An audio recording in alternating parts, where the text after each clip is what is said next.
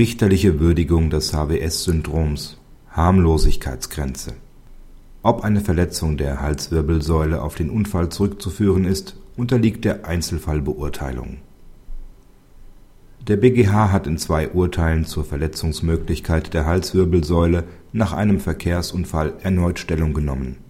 Im Rahmen der Beurteilung, ob die beklagten Beschwerden auf den Unfall zurückzuführen sind spricht der BgH sich erneut gegen die schematische Annahme einer Harmlosigkeitsgrenze aus.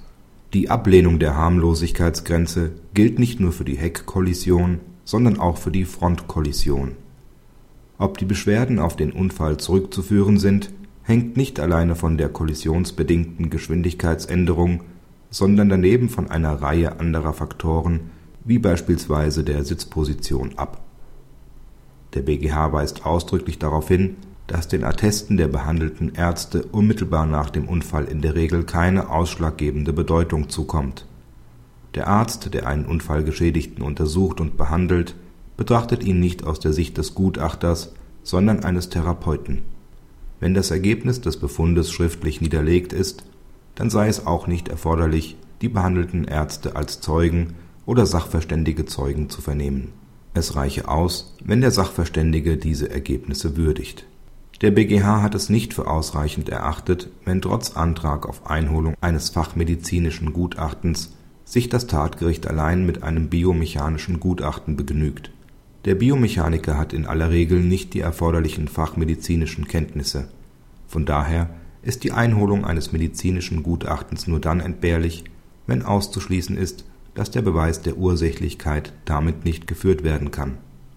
Praxishinweis der BgH erteilt den Versuchen der Praxis, das Massenphänomen des HWS-Syndroms mittels schematischer Lösungen in den Griff zu bekommen, erneut vor dem Hintergrund des Grundsatzes der freien Beweiswürdigung eine Absage. Dies gilt sowohl für die schematische Anwendung der Harmlosigkeitsgrenze wie auch der umstandslosen Übernahme der Berichte der behandelnden Ärzte. Auf den ersten Blick mag es überraschen, dass der BgH im Urteil vom 8.7.2008 die Annahme einer Haftung der Beklagten allein auf der Basis der Vernehmung der Verletzten und der Vernehmung des behandelten Arztes als Zeugen gebilligt hat. Dieses Urteil ist jedoch entscheidend von den Regeln des Revisionsrechts geprägt.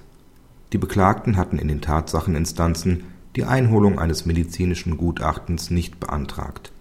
Auch im Rahmen der Revision war nicht gerügt worden, dass ein medizinisches Gutachten nicht eingeholt worden war vor dem Hintergrund des § 557 Absatz 3 Satz 2 ZPO war der BgH daher daran gehindert, die Frage der Notwendigkeit der Einholung eines Sachverständigengutachtens zu thematisieren.